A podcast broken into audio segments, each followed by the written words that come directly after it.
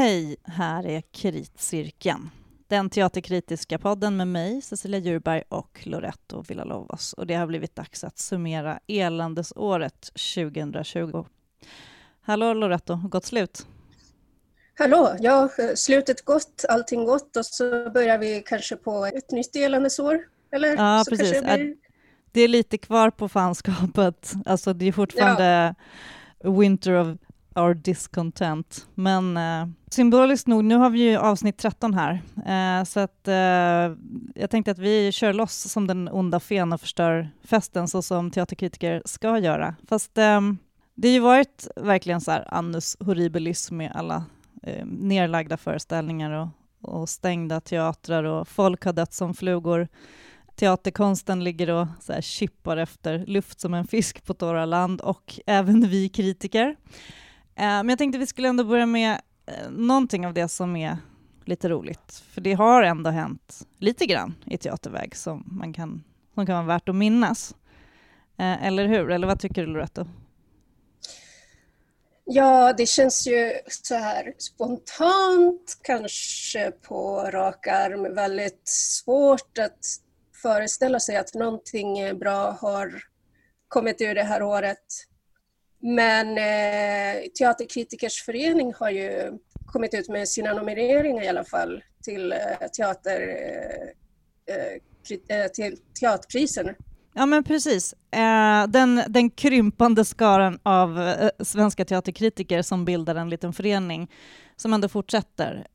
och vi har faktiskt, vi hade online-möte och eh, gjorde som vi brukar göra i slutet av året här nu precis före jul. Så um, eh, cookie-lurade vi och kom fram till att vi skulle att det ändå fanns en del bra som har spelats. Och eh, vi har ju tre priser. Eh, ett teaterpris, ett barn och ungdomsteaterpris och ett danspris. Och dansprisjuryn håller fortfarande på och kuckelurar. Eh, och den, eh, så det är inga nomineringar, utan det är en jury som Eh, Eh, bestämmer helt eh, demokratiskt, fast på bara sju, åtta personer är vi. Men eh, teaterpriset då har vi tre nominerade och det är eh, Scenkonstkompaniet Bombina Bombast som hänger i Malmö och gör ganska mycket intressanta tekniska föreställningar. Eh, de är nominerade för Ögonvittnen som eh, bygger på överlevares minnen från Förintelsen. Nominerad är också skådespelaren Therese Brunander för sin majestätiska roll som Gustav Vasa på Strindbergs Intima Teater. Eh, en av mina favoriter. Och sen är också ljusdesignern Ellen Ruge nominerad. Och till barn och ungdomsteaterpriset då har vi nomineringarna är uppsättningen Våra viktigaste vuxna på Angereds teater. Um, ehm, scenkonstnärerna Pelle Ölund och Nina Jämt som är en eh, scenkonstduo. Eh, regissör, dramatiker, eh, jobbat mycket tillsammans och gränsland mellan konstarterna. Eh, och de är nu nominerade lite särskilt då för att de har gjort en uppsättning som heter The Erased med Momsteatern som är en grupp som har funktionsvarierade skådespelare. Och sen är också mycket meriterade scenografen eh, Märta Falenius nominerad för sin scenografi till Marionetteaterns föreställning Ett frö i rymden. Det var dem, och så får vi se vem det blir, vilka det blir. Men jag, eh, har du någon kommentar här? Jag tänkte Bombina Bombast, de gjorde ju en grej, online-grej nu nyligen. De har gjort flera online-grejer nu under året. Eh, jag har inte sett ja, den här det. ögonvittnen, men typ bara före jul så gjorde de ju en, streamade de en föreställning som handlade om Nico, eh, Velvet ja. Underground, ja, känd från Velvet Underground. Icon heter den. Uh, jag tyckte, tänkte på det faktiskt då, att det, var, det, är lite, det har varit ganska mycket sådana föreställningar om just så ikoniska figurer, eller som vi har råkat se. Alltså vi pratade om Lenin, tänker jag, i förra avsnittet. Ja, precis. Och sen så hade väl eh, Teaterrepubliken också den här om oh, skidåkaren. Norrtugg. Heter Norrtugg. No Norrtugg, ja. Det var lite annat, de var lite olika stuk på dem, men precis, men de kom ju typ samtidigt. Uh, just ja, där samtidigt liksom... och eh, också väldigt så angränsande till det här liksom, temat om ett ikon, en ikon som konstrueras och som faller och så, ja, mm. så drogerna också. Och ja. Precis. Uh, ja, men mycket sådana ikoner. Men då, och jag menar, nu när vi ändå pratar om de här äh, nomineringarna, teaterprisnomineringarna, så alltså Therese Brunander är ju min stora favorit. Hon, har varit, hon var verkligen kung det här året när hon spelade Gustav Vasa. Uh, alltså Gustav Vasa är ju också en sån där ikon. Landsfader, liksom nationalstatens uh, grundare och Eh, I den här föreställningen så gjorde hon ju, det är Joakim Sten som har gjort en monolog efter Strindbergs Gustav Vasa. Um, och sen så gör hon då Vasa som en, ja, hon är ensam på scenen. Och, eh, vilket också så här, typisk pandemigrej, fast mm. det hade, jag tror inte att de hade tänkt så, alltså man, teatervärlden har ju lite längre framförhållning så att under hösten var det 500-årsjubileum, eller vad man säger, minne av mm. Stockholms blodbad. Eh, och hela liksom starten på eh, Gustav Vasas eh, väg mot makten. Eh, men, men hon, eh, hon, alltså det är så jävla bra skådespeleri så att hon är värd alla priser. Ehm, riktigt, riktigt bra framställning av, av den här my mytiska kungen. Liksom. Alltså också verkligen, ja. det finns ju liksom uh, mycket som är projicerat på, på honom och vem han var. Och, uh, och de hade ju liksom en liten Gustav Vasa-festival på Strindbergs Intima, som de liksom de lyckades ju köra flera föreställningar, utom den sista, som Anna Pettersson skulle sätta upp. Hon skulle ju spela, hon skulle sätta upp Strindbergs Gustav Vasa, som skulle ha haft premiär i december, men den rök ju Sen så såg jag en monolog om eh, hans dotter Cecilia Vasa, skandalprinsessan. Eh, den var rolig, som de också körde på Strindbergs Intima. Så det har varit mycket Vasa. Och sen såg jag ytterligare en monolog om Cecilia Vasa som Ö2, eller på ja, någon frigrupp som hyrde in sig på Ö2. Uh, så, ja, men de där liksom ikoniska figurerna, och jag vet inte, det passar ju med... Alltså det har ju varit tvunget att vara en del monologer då, de som har under de tiderna där det har gått att spela någonting. I och med att man liksom också inte kan vara för många på scenen. Uh, ja. Det är ju liksom verkligen påverkat. Uh, så det kan man ju tänka sig, det kan man ju hoppas då när vi alla får sitt vaccin och uh, allt kan gå tillbaka till normalt, att vi bara inte behöver se så jävla mycket monologer. Nej, men det är bra. Jag tycker om mm. monologer, men det är fan vad svårt det är. Men eh, ja. just när man ser en, en sån här räv som Therese Brunander som är så jävla bra på att spela, eh, vad man kan få ut i en monolog. Alltså det är verkligen, det, det är ju lite eldprov. Det är verkligen visar ju mm. hur... Uh, sen är det ju, finns det ju skådespelare som är riktigt bra som inte heller är bra i monologer, men uh, hon är det. Så jag hoppas att den kommer tillbaka. Hoppas jag verkligen. Ja, det hade faktiskt varit jätte... Det var faktiskt en av dem som jag grämde mig mest över att ha missat i det här årets cancelkultur ja. karusell. Um, ja, jag har ju snackat ja. upp den en del. Då då. Ja, du har snackat upp den en del. Eh, och sådär. Men ja, det var ju liksom som det var få föreställningar. Jag satte mig inte gärna på ett tåg liksom, på spekulation heller för att åka till Stockholm och gå på teater. Nej, men sen det har ju inte gått att få tag i biljetter heller. Alltså, det är ja, nej men precis. Av det som precis. man liksom har, alltså ens FOMO har ju verkligen fått sen smäll. Alltså det, när det väl, alltså när de, när de släppte 50 biljetter, det var ju många saker som man hade velat se. Som jag gick och väntade på, som Elektra hade jag velat se. Uh, på Dramaten till exempel. Ja, men massa saker. Uh, ja. Och nu, jag menar, liksom, det är ju helt det är helt jävla hopplöst. Alltså till och med, alltså nu bara helgen innan jul så, så hade vi ju planerat att vi skulle se på eh, streamad eh, Wagner från Göteborgsoperan. Eh, som ja. blev inställd på grund av, för att de skulle ju då streama det live förstod jag det som. Eller om de skulle spela in det veckan innan. Ja, de skulle spela in det veckan innan men då ah, kom det. Eh, det sista liksom, släggan. Just det, åtta personers gränsen. Nej, de kan inte ens ja. spela in den. Så har, det ju varit, så har det varit för flera.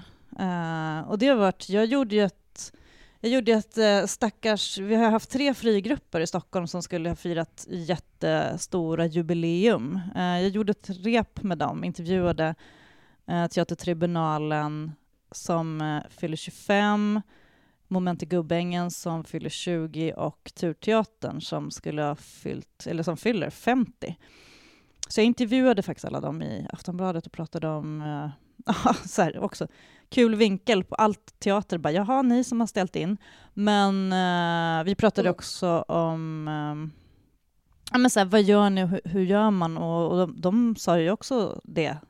Uh, tribunalen hade ju verkligen, de ställde ju verkligen in Alltså det där kom ju precis här, några dagar innan de skulle ha premiär, uh, åtta regeln. Och mm. de konstaterade att de skulle ha tio på scenen. De kan ju inte ens filma det. Ja. Liksom. De kan inte vara så många i rummet. Uh, och Moment hade också, så här, de skulle ha sitt, ja, de har ju alltid ett rockband på scenen, alltså de var också för många. Plus ja. att de, deras jubileumsföreställning som de skulle göra byggde också på att de skulle ha en hemlig gäst i varje, varje kväll. Uh, som skulle göra en massa saker på scenen. Jag, fick ju faktiskt, jag var ju faktiskt där då. Eh, och pratade mm. med dem och såg lite när de repeterade. Men eh, de kunde ju liksom inte spela in och streama det, för då skulle ju risken att nästa gäst, nästa föreställning skulle se och då sprack ju hela... Ja, ja det, var ju helt, det var helt enkelt lite, det var lite så magic eh, som ja. gjorde att man inte... Alltså det var helt enkelt, vissa föreställningar går ju verkligen inte att, att streama. Um, och sen så hade vi då Turteatern och jag... Ja, det finns ju de som kanske minns att vi har haft en liten konflikt, jag och Turteatern. Det är ju tvåårsjubileum för den eh, ja. gamla grejen. Um, men, men då kan jag ju passa på att berätta det att vi har skakat hand. Uh, det gjorde vi faktiskt egentligen redan då, men sen så blev det ju mycket så. Jag har fått frågor jättelänge efter det där.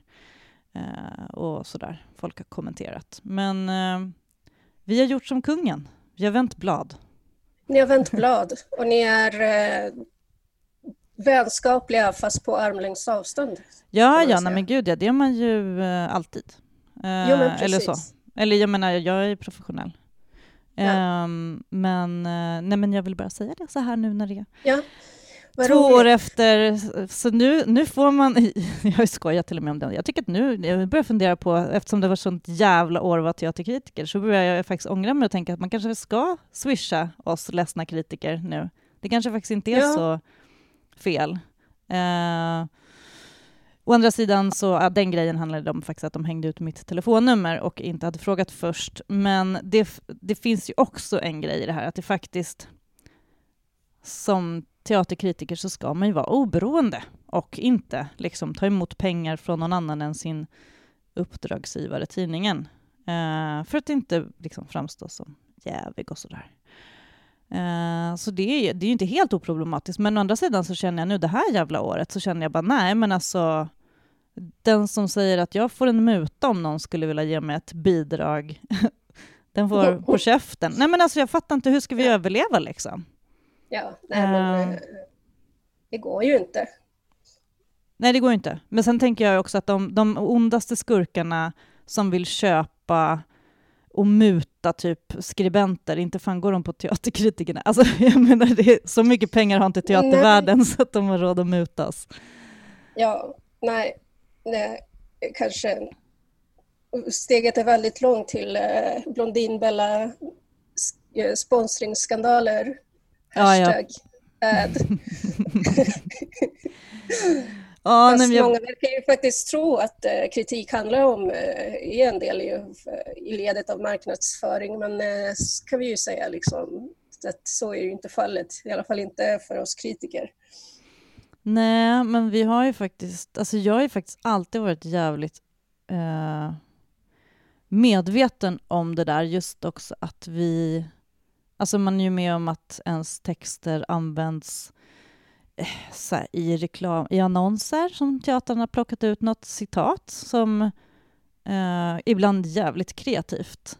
Eh, sådär. Alltså, eller i annonser eller på sina sociala medier. Att de plockar Mm. ut någonting, en halv mening som kan verka som att den är positiv, men egentligen så har man sågat. Ja. Eh, det kan man i och för sig bjuda på, lite Ja. grann så. Men, men alltså, nat- naturligtvis så, så är det ju. Våra recensioner används, eh, de används liksom. Men eh, det ska ju liksom inte gå att muta oss. Eller det gör det ju inte. Jag är fan omutbar. Ja. Men däremot så skulle jag behöva lite mer pengar. så jag vet inte, jag sitter och är helt dubbelmoral här. ja. Om det är någon som känner sig manad så finns våra swishnummer eh, i länken i description-boxen. Ja. Nej, men man kan mejla oss. Om man skulle vilja stödja kritcirkeln så går det bra att skicka ett mejl.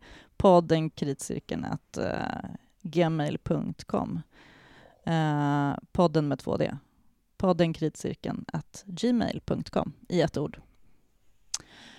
Yes. Eh, så då har vi fiskat lite. Jag tror inte, faktiskt inte att det kommer att komma några pengar, men eh, vi kan fortsätta gnälla lite över teaterkritikens eh, tillvaro, för att det är, det är fan det som har dominerat det här året, hur jävla jobbigt det har varit att vara teaterkritiker eh, när det inte spelas någon teater.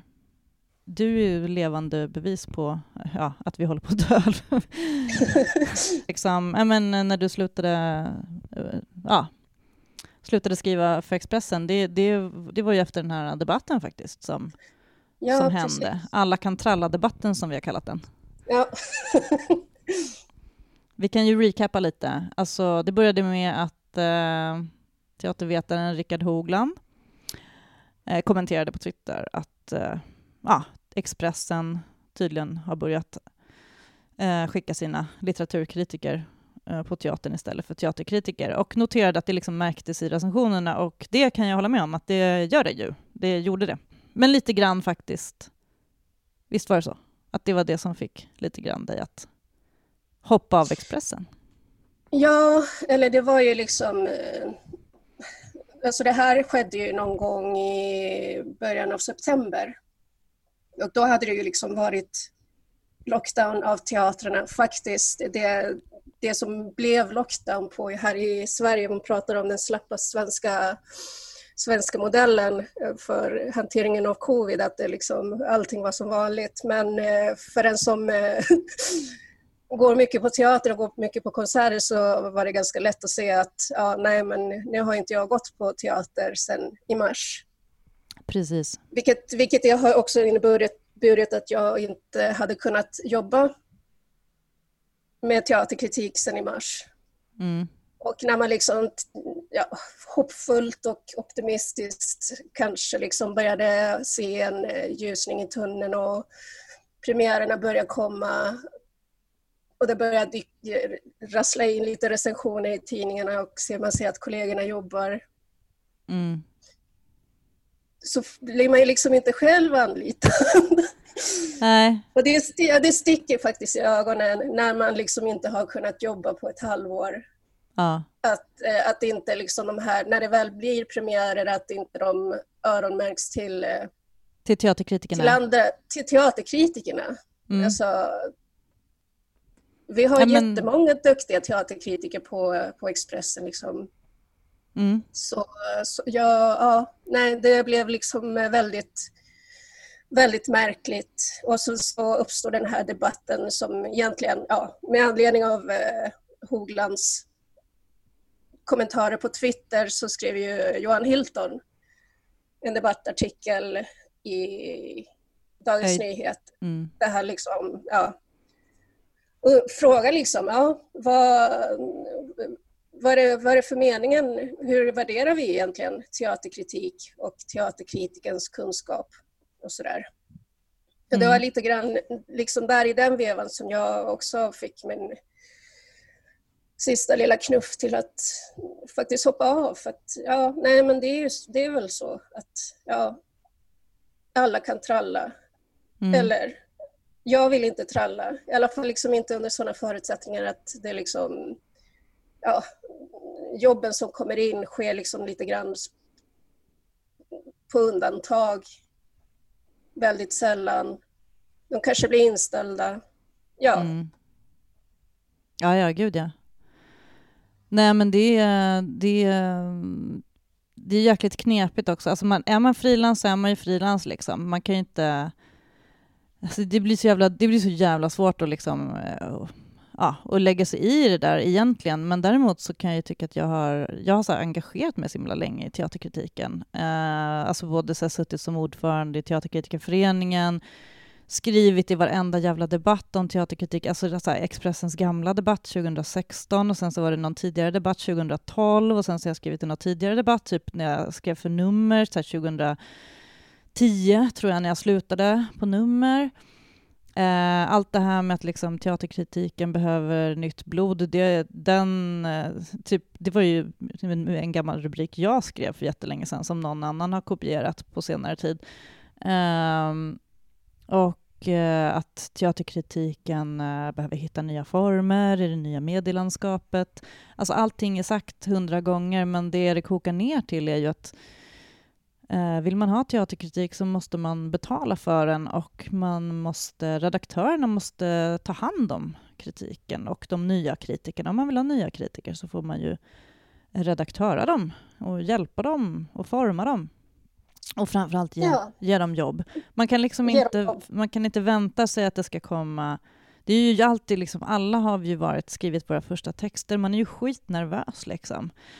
Yeah. Uh, och det är mycket också i och med att man ska kritisera Alltså det är någonting som är lite speciellt med teaterkritik. Det är många som säger det, många som har prövat också som tycker att det är lite det här med att man recenserar människor som ska gå upp och göra det här på scenen varenda kväll. Alltså det finns en... Det är jävligt viktigt att man vet vad man snackar om. Eh, speciellt om man är negativ, men också tycker jag man är positiv. Man kan liksom inte hylla saker bara för att man tycker att det är trevligt och nice att gå på teater en kväll. Liksom. Vi går ju inte på teater för att stå och mingla och dricka vin i pausen. Liksom. Vi är ju där och jobbar. Nej, nej, nej. Ja, vi är där och eh. jobbar och det, det, liksom, det märks. Det är ju verkligen en helt annan eh, ett helt annat förhållningssätt till eh, rummet. Liksom. Också när man står i foajén, vid biljettkassan, alltså hur, hur man förhåller sig till liksom hela situationen när man går på teater, i jobbet mm. eller civilt. Ja, ja. Nej, men jag, har haft, jag har haft perioder som jag har... Som varit liksom, jag har kommit och gått lite i teaterkritiken. Det jag höll kvar i danskritiken när jag, under mina år på Sveriges Radio så gjorde jag ändå dans. Dels för att de behövde eh, på kulturredaktionen på Kulturnytt. Eh, för att jag tycker att det är roligt. Eh, men jag hade också liksom heltid. Alltså, det går inte att jobba heltid med en sak och, och gå på teater och jobba varenda helg. Alltså, det, blir ju, mm. det funkar ju inte. Liksom. Uh, men uh, jag har ändå försökt hålla kvar i det, men jag har ändå försökt liksom, fortsätta att gå. Jag har haft uh, vissa andra typer av liksom, skrivit sammanfattande årstexter till Nationalen, Cyklopedin och försökt liksom, hålla mig hela tiden. Men det är, det är ett ganska... det låter ju så jävla... Det är faktiskt ett ganska hårt jobb eh, att gå alla de här kvällarna, även om det låter som att det bara är roligt att sitta och titta på teater. Eh, men eh, det är ju kvällar och helger som andra människor eh, jag vet inte, umgås med folk. De har tydligen ett socialt liv. Ja, ja men precis. Alltså vi går på och teater. Allting, och, allting man, och allting man ser är inte heller bra. Eh, det var precis det jag skulle säga. Ja. Att det är ju faktiskt, det är ju jag tror i och för sig att man tycker att det är roligare att gå på teater om man går en gång om året. Och kanske det är skitsamma faktiskt vad man mm. ser. Man kanske går med några trevliga kompisar och framförallt så kan man dricka vin i pausen. Det kan man ju inte göra när man är på jobbet. Um, men uh, man måste, man kan liksom inte heller gå hem när det är dåligt. Nej, om, det inte, om det inte är så att jag sitter där och bestämmer mig för att inte skriva någon text. Men å andra sidan, om jag inte skriver någon text så får jag inte betalt. Och, eh, och det ska ju in i tidningen. Det är ju liksom ja, vi har ju ja, fortfarande, nej, vi har ju fortfarande liksom... papperstidning, så det, det, det är liksom ett blankt hål där som ska fyllas. Ja. Det finns ett avtal där så mm. att, som, eh, som man har gjort upp mellan parterna. Ja, ja. Så att man måste liksom uppfylla sin del. Mm. Ja, nej, men antingen så tycker ju teatervärlden att kritiker är för mesiga eller för hårda. Mm. Och det är väl liksom egentligen att det finns en sån eh, diskrepans mellan eh, synen på teaterkritikerna från teaterhållen Mm. Det är, alltså, är ju ett gott tecken. Ja, men det betyder nog att vi hamnar någonstans mitt emellan. Att vi kanske, ja, eller jag menar, sen är vi ju olika, vi är individer, men, men nog kan jag tycka att det finns andra teaterkritiker som är alldeles för snälla. Uh, ibland, men uh, det är därför det är viktigt att det finns mångfald, eller att det finns flera. Att, det, att man inte är själv, att, man inte, att jag är inte är den enda som skriver. Jag tycker att det är jo, jobbigt faktiskt, när jag går på föreställningar och ser mig runt och bara, det är inga andra tidningar här. Då känns det som att jag plötsligt eh, får ett jävla ansvar för, ja men lite grann. Om jag, men alltså, jag vill inte, så vill jag inte att det ska vara. Jag vill att det ska vara att, att våra liksom, åsikter också ska mötas på så här, det offentliga torget, så man kan jämföra.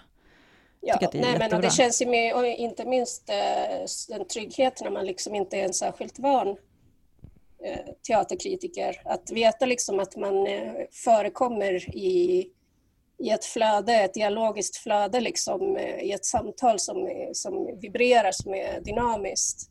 Och att mm. man liksom, för att annars så blir man ju verkligen eh, utlämnad.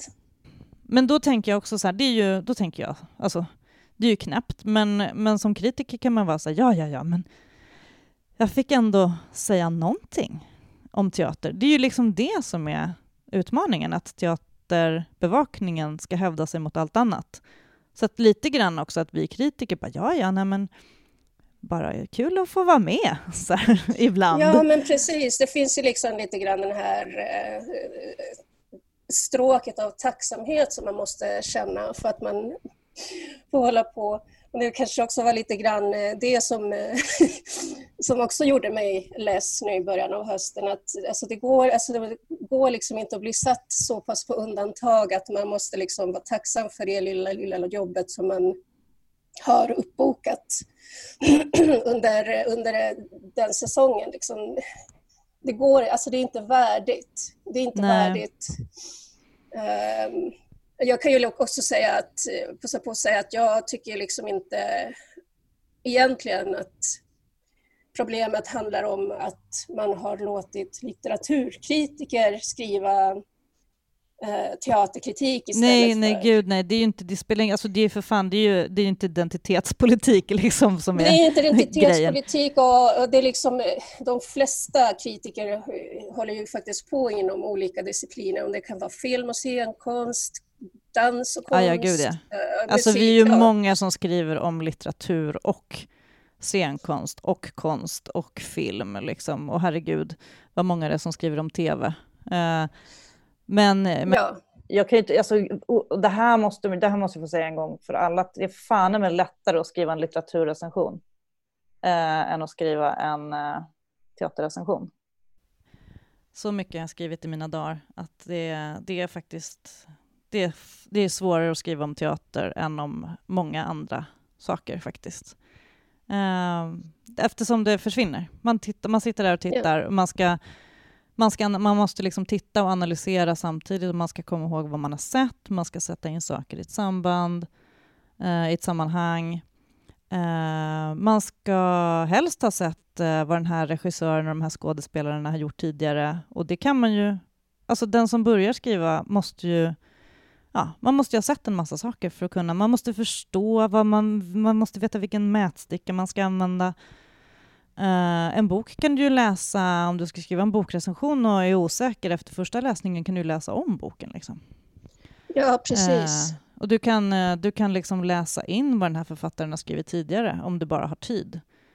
vilket man också har när man skriver litteraturkritik. Man har ju enormt mycket tid på sig. Man får ju boken långt i förväg. Liksom. Medan vi ska skriva vår recension och lämna... Alltså, vi ska skriva den direkt när vi kommer hem. Liksom ja. lämnar den dagen efter. Ja. Tidigare skulle man ju lämna den samma kväll, på natten. Liksom. Ja. Jo, nej, men en, en grej till som jag vill säga med, med det här um, identitetspolitiken. Mm. alltså, så att det har liksom en tendens att vulgarisera debatten.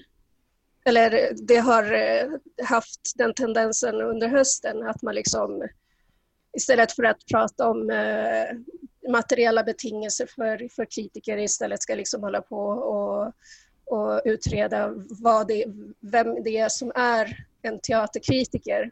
Och då mm. kan man ju liksom, alltså, man kan ju liksom lika gärna utgå från en eh, så här, deduktionspremiss där en teaterkritiker är någon som skriver om teater så därför är alla som skriver om teater teaterkritiker oavsett hur många teaterrecensioner de har skrivit det senaste året eller tio ja. åren eller 20 åren och sådär. Och det är liksom, det är fine, men jag tycker liksom att frågan, i alla fall för mina vidkommanden, var, handlar ju snarare om vilka, vilka redaktionsmedlemmar tar, får uppdragen och vilka frilansare får uppdragen. Och vad säger det om eh, hur man vill liksom eh, hur man liksom värderar den frilansbudgeten som finns på en tidning. Mm. Ska den liksom gå till teaterkritiker eller ska den liksom gå till såna här, eh, kan man säga, ja, Jonas Gardell tycker till om... Någonting? Om, ja, tycker till om någonting. Mm. Och visst, Han har ju skrivit konstkritik nu och varit ute och cyklat i en halv, liksom i 10 000 tecken och, och cyklat vilse och tappat bort GPSen. Man bara, det var det så märkligaste, förlåt men jag måste bara få ja. eh, märkligaste jävla konsttext eh, jag läst i hela mitt liv, men eh, som dessutom var samarbete med galleriet. Så att, eh, Uh, ja, ja, nej men precis. Nej, men nu ska vi inte bara basha Expressen, men det är ju märkliga val man kan göra, absolut. Om man har en frilansbudget och uh, man kan också undra varför man till exempel på många tidningar, min tidning till exempel, bestämde sig för att inte alls eh, skriva om streamad scenkonst nu. Eh, så, så, att nu när allting är inställt så får jag ju inga jobb. Eh, alltså jag, ja. får inte, jag får inte recensera de, de ändå online-grejer som visas. Men det, jag vet att vi har en tajt budget. Liksom. Ja. Men, men det betyder också att det i Aftonbladet inte blir några texter om teater nu förrän jag vet inte, det kommer igång igen. Jag vet inte, när är det liksom? Ja, nej, sommar, men alltså, vadå, liksom, eh, budgeten var väl lika tajt innan, eh, alla teater, alltså innan all teater stängdes. Så, så eller? Är jag dum i huvudet? Uh, ja. ja, nej, alltså det, kultursidesbudgetar, det tror jag är, det, det är någon kremlologi som jag inte förstår. Ja. Eh, men de brukar tendera att de brukar vara slut i december. Ja. um, det ja, ja. Nej, men, eh, nej, men också hur tidningarna har värderat den här debatten. För vilka, vilka är det liksom som överhuvudtaget har varit mm, aktiva i den här debatten nu under hösten? Alla kan tralla debatten. Ja, nej, men det mm. var ju bara DN. Mm. Och Expressen skrev lite repliker, en eller två. Ja. Sen så, det var allt.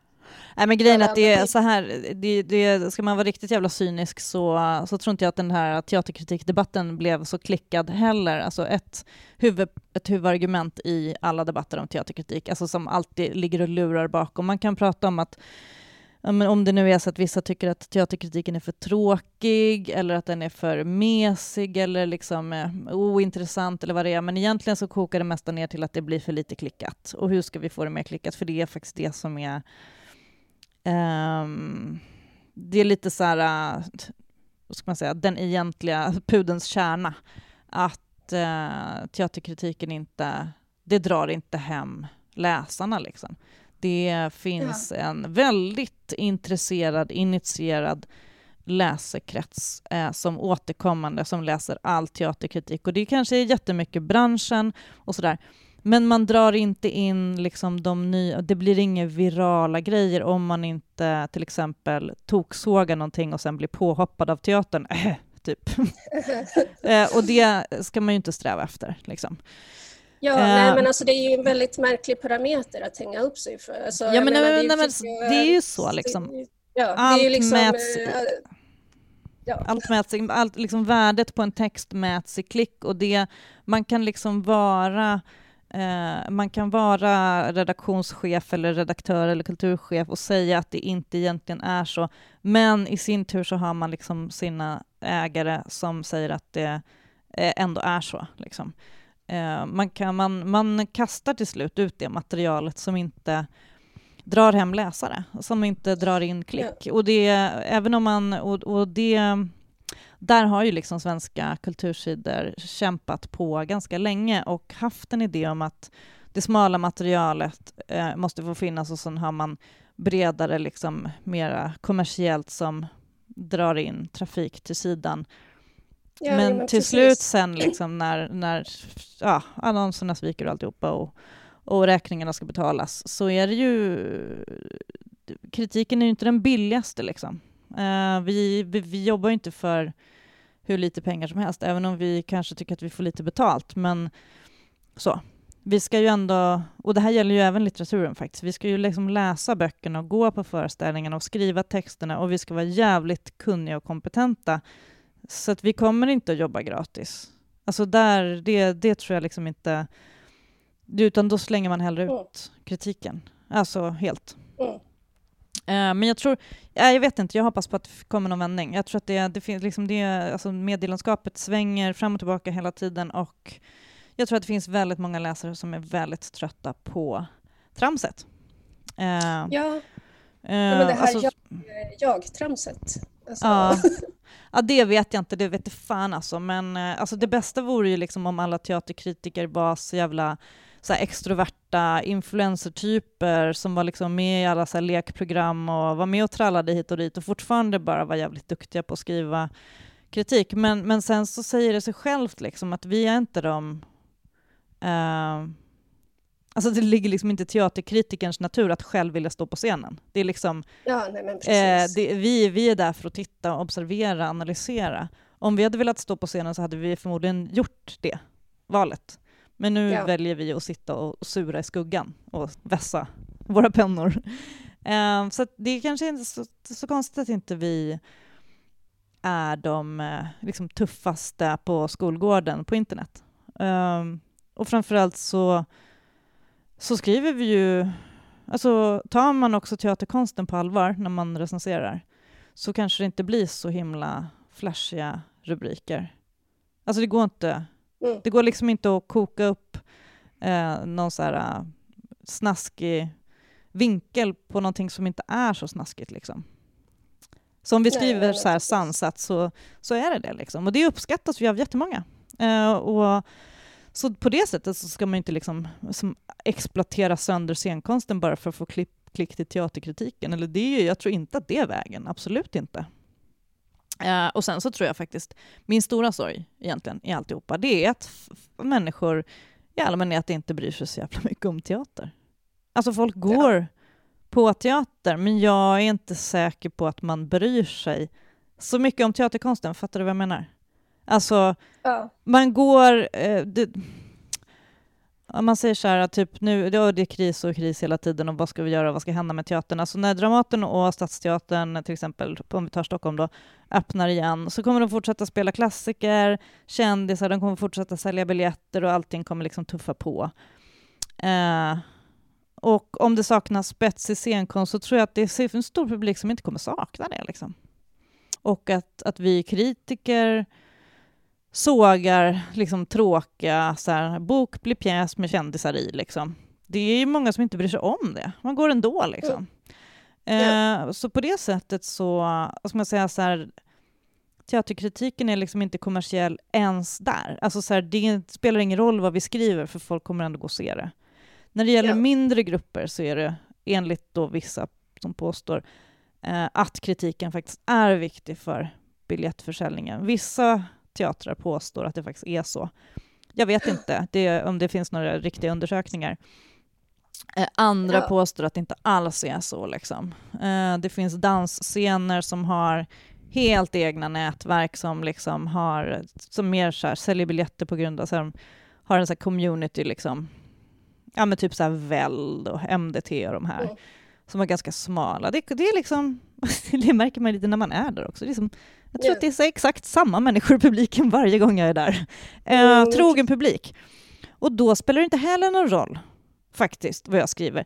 Däremot så är det ju viktigt för själva konstformen att kritiken ja, nej, skrivs. Alltså, ja, så nej, men jag tänkte precis säga det. Alltså det, det är liksom en så otrolig brist på långsiktighet att inte... Alltså nu liksom till exempel när eh, tidningarna skippar bevakningen av strömmad scenkonst för att en, alltså en del av kritiken, en del av dagskritiken är ju faktiskt dokumentation inför histor- alltså för, mm. för framtiden av vad som har liksom mm.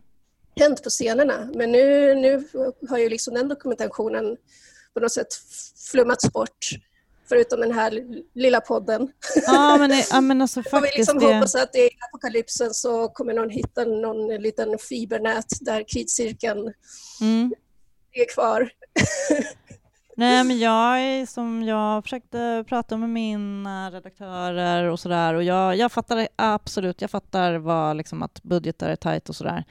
Uh, och sen så fattar jag också att man liksom inte ska att man inte behöver, vill, eh, de har ingen skyldighet att ge mig jobb bara för att jag liksom är, ja, är teaterkritiker och inte har något att göra, eller jag är frilans liksom, det är, så är det ju.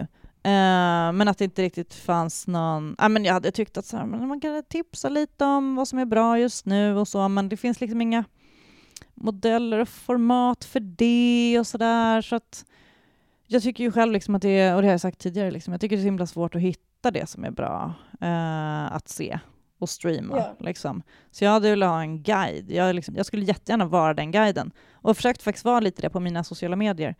Um, yeah. För det tycker jag ligger i, i teaterkritikerns uppgift, att hjälpa till att så här, sålla och välja ut och tipsa vidare.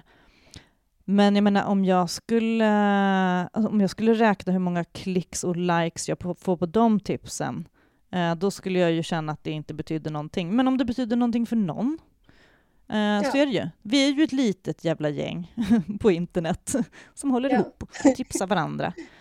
Ja. Men, eh, men det skulle jag säga, alltså, det, alltså, teatervärlden på internet i Sverige är ju så otroligt tråkig eh, i alltså, de bubblorna som jag följer.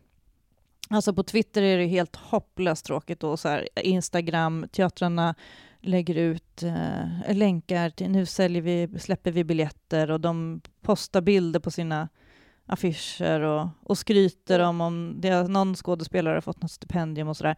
Så jävla tråkiga, men alltså brittiska teater-Twitter är sjukt rolig.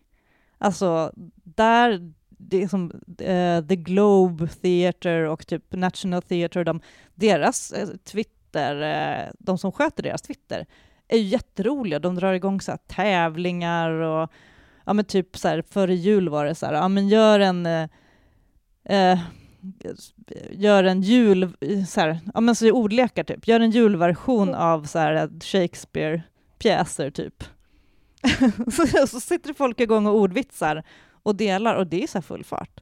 Skitroligt och det handlar ja, inte alls om att de ska inte sälja några biljetter eller eller det handlar liksom om, men om community building. Och det är svensk teater så jävla dålig på. Det är också svenska kultursidor ganska dåliga på. Det är också ja. väldigt mycket så här. Här är en länk till min text. Uh, jag är jättetråkig. Nej, men jag har tappat orken lite grann. Men jag blir så himla glad. Nej, men alltså, gud, jag har, jag har mm. några så här Twitterlistor med just brittisk teater. Så jäkla roligt folk. Och så här, ja, men så här, diskuterar, följer varandra och, liksom, och pratar teater. Just de här um, The Show Must Go Online som, jag, äh, som vi har tittat på. Ja. Uh, de hittade jag ju för att jag alltså, följer en massa brittiska teatermänniskor. Uh, och som höll på och skrev. Och de höll ju på liksom och chattade järnet under de här föreställningarna. Det händer ju inte liksom. Det händer ju inte Nej. i Sverige. Men är det, det är så jävla tråkigt med, med introverta svenskar? Eller är det liksom synen på, på konstformen liksom generellt i, i respektive samhälle? Jag tror två saker faktiskt. Jag tror att svenska Twitter har, har blivit så här eh, en eh, har blev en pissränna så jävla tidigt. Eh, att det är så himla mycket tråktjafs generellt på Twitter. Eh, ja. Medan i, alltså, för jag tror att det är lite speciellt, jag har tänkt på det just när folk klagar på Twitter, men internationellt så är det så här, ja, men du vet, så här, forskar-Twitter är så här jätteinitierade diskussioner och så här, medan vi har de här liksom konstiga så här, ja, så här, rasistsvansarna dyker upp i vad än man än skriver om. Det är helt liksom vansinnigt, medan liksom Nej, men alltså brittiska teater-Twitter, där är det liksom, alltså jävla mys. Dels så tror jag att det är fler vad ska man säga, vanliga människor eh, som har Twitter, i alltså olika olika länder. Medan det liksom är mycket så här... Uh, sen beror det ju på vilket kluster och vilken bubbla man är i, såklart. Men jag tycker att jag borde vara i någon typ av kulturkluster. Alltså de jag följer och som följer mig borde, liksom, tycker jag, vara intresserade av eh, så här scenkonst och sådär. Um, men dels så tror jag att det är många som har haft ambitioner och varit ute liksom och diskuterat och sånt. Jag hade roligare faktiskt på Twitter för typ tio år sedan. Um, mm. Så jag satt och skrev med teatermänniskor på nätterna. Liksom. Um, men uh, dels så tror jag att det är många som har gett upp för att det, för men det är ganska så bråkigt. Det är ofta bråkigt tonläge på svenska Twitter. Men, ja. uh, men det här brittiska, men sen så tror jag också att det finns Storbritannien har en, en eh, mycket Alltså ja, också andra länder. Tyskland, jag älskar ju teater, Tyskland. Men eh, har ju en mer, uh, jag tror det finns en folklig, alltså nu när det varit så här pan, panto-season, uh, alltså man, de spelar ju pantomimer inför varje jul. Och det är också en jättestark tradition. Alla människor går på teater runt jul liksom. Och kollar på så här uh, drag tanter och så liksom med så här burlesksvulstiga liksom skämt och ja men du vet, mycket perukhumor och lite så slå i dörrar farsgrejs liksom. Uh, julspelen och som Scrooge-pjäserna. Det är, folk går på det. London är ju en jävla enorm teaterstad liksom. Så de, det förstår man ju liksom att krisen är enorm, enorm nu under nedstängningen. Eh, att det faktiskt finns en publik som verkligen, verkligen beklagar att de inte får gå på sin årliga pantomim. Liksom. Så jag läser en massa sånt. Det är den, jag, tycker, jag tycker inte att jag har hört speciellt mycket röster från den svenska teaterpubliken eh, om hur, hur de har upplevt det här teaterskitåret. Eh, det är ju mer, det är ju kulturarbetarna mm. och sen så är det som vi teaterkritiker som har klagat lite, men jag tror faktiskt inte att vi har riktigt jag tror inte det är så många som har brytt sig om oss faktiskt. Nej. Uh, men, ja. uh, mm. Nej, skitår, skitår. ja, jag sitter liksom här med Johan Hiltons uh, debattartikel framför mig. Liksom rubriken är tweeten satte fingret på frågan. Vad spelar vi egentligen för roll? Mm. Och här verkar, alltså, svaret, alltså, och i det här viet så liksom, inkluderar vi liksom hela scenkonst, hela liksom mm. ekosystemet av, eh, av utövare och kritiker, dramatiker. Mm. Liksom, ja, vad spelar vi egentligen för roll? Nej, men jag tycker att det, det, är, det, det går inte, och så, så mycket tycker jag också att jag känner så här, det svenska debattklimatet, att det finns liksom om jag går ut och säger rädda mitt roliga jobb, liksom, det, det finns alla... Alltså vi har, lever i en sån jävla egoistisk värld. Liksom, så att, eh, jag kan känna så här att det är någon annan... Det krävs att någon annan säger att teaterkritiken är viktig än teaterkritikerna själva för att det ska, ja, för att det ska vara värt något. Och så länge ingen gör det, eh, eller om, eller om liksom de som är som ledningen för kultursidorna säger att teaterkritiken är jätteviktig, men inte visar i handling att teaterkritiken får kosta pengar, att man odlar upp nya förmågor, eh, att man låter, låter oss få utrymme eh, och sådär, så, kom, så betyder det ingenting. Liksom. Eh, jag tror inte att teaterkritiken helt kommer att försvinna heller, men den professionella kritiken riskerar... Alltså den, mår, den, den kommer inte må så bra efter det här, eh, tror jag. Uh, jag sitter ju själv och funderar på hur länge jag kan hålla på. Uh, det är klart att jag kan liksom så ta ett dayjob och hoppa in och skriva lite kritik på uh, helgerna. Men uh, herregud, jag har som liv och familj och tre barn. Alltså jag vet inte, ska jag aldrig... Det är ju tillräckligt illa att jag är borta fredag, lördag kvällar jämt. Men ska jag också ja. vara borta liksom hela dagen? Alltså, ska jag jobba sju dagar i veckan? Alltså ska jag, måste jag ha ett brödjobb för att hålla igång min hobby teaterkritiken? Alltså det är helt sjukt. Jag är för fan... Ja, precis. Det är liksom inte en rockstjärnekarriär jag är ute efter, utan jag vill typ bara jobba.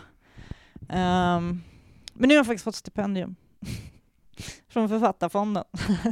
Ja, varsågod. Ja. tack så mycket. Eh, tack så mycket, skattebetalarna. Eh, mm. Men vad ska vi säga om nytt år då? Jag, tror, alltså jag vet inte, jag tänker inte ens spekulera när det kommer komma igång igen. Jag räknar inte med att det blir någon teater för sommaren. Nej, gud Vad tror nej. Du? Absolut nej. inte. Dramaten ska vara med i någon eh, digital teaterfestival, fick jag pressmeddelande om, ihop med några mm. internationella teatrar, kanske tyska. Jag vet inte, men om jag har någon makt att påverka så, så ska jag fan skicka tips på... Alltså årets, mina alltså, bästa föreställningar jag sett i år har ju varit tyska. Mm. Men jag har redan pratat om dem. Uh, men ja. uh, jag konstaterade faktiskt det här nyligen, för jag skulle sammanfatta lite vad som var årets hits. Uh, så kom jag på det. Mina bästa teaterupplevelser i år har varit kvinnor som har tolkat ikoniska män. Alltså Uh, Sandra Hyller som gjorde Hamlet, ja, om Hamlet får sägas vara en ikonisk man, men i en mansroll. Uh, Ursina Lardi som tolkar, tolkar Lenin. Och så då Therese Brunander som Gustav mm. Vasa.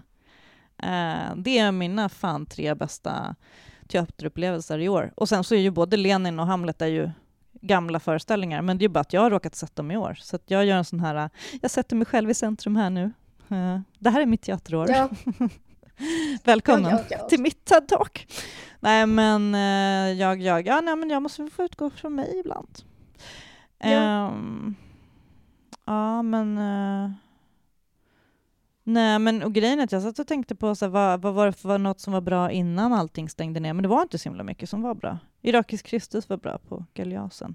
Men nu börjar det bli så här, det känns som att det är minst ett och ett halvt år sedan Även om det var, det, var den sista föreställningen jag såg i mars innan allt stängde. Ja. Jag såg deras absolut sista föreställning. Uh, men... Uh, ja, sen såg jag så taiwanesisk dans som var på gästspel på Dansens hus och det känns också som så här 200 år sedan. Uh, det kom ett internationellt danskompani och dansade för oss i Sverige. När kommer det hända liksom? Vaccineringen börjar typ har precis börjat och nu har ju typ kommit massa mutationer på viruset mm. som man kanske förhoppningsvis, ja, vaccinet biter på. Men, mm. Mm. Ja, nej gud. Uh, men däremot efter, efter det, hedonism känner jag. Ja. Uh, jag ska bara gå på teater Jag ska bara gå på teater varenda dag och dricka vin i pausen varje dag. Jag ska ha, så här, införa helt nya regler för teaterkritiker. Vi ska podda ja. fulla på Barcelona. Ja, på Barcelona. Hoppas de öppnar Barcelona igen. Jag saknar ja. Barcelona jättemycket. Eh, vår favoritkrog bakom Stadsteatern och Kulturhuset. Den, den, den kanske helt enkelt bara försvann i renoveringen. Vi har ingen aning om vad som hände med den. Men det kommer nästa år att utvisa.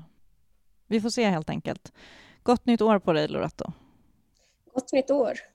Vi fortsätter att podda. Vi fortsätter att kolla på ja. grejer. Vi har ju faktiskt sett bra grejer också, men uh, det känns som det är ingen idé att prata om det nu, för att de uh, går ändå, inte att spela. Men om någon undrar, om någon vill ha ett tips, så skulle jag säga uh, mina tyska teatertips, det är kolla in på Schaubühne. De fortsätter att lägga ut en föreställning i veckan, tror jag. Gamla föreställningar, massa bra grejer.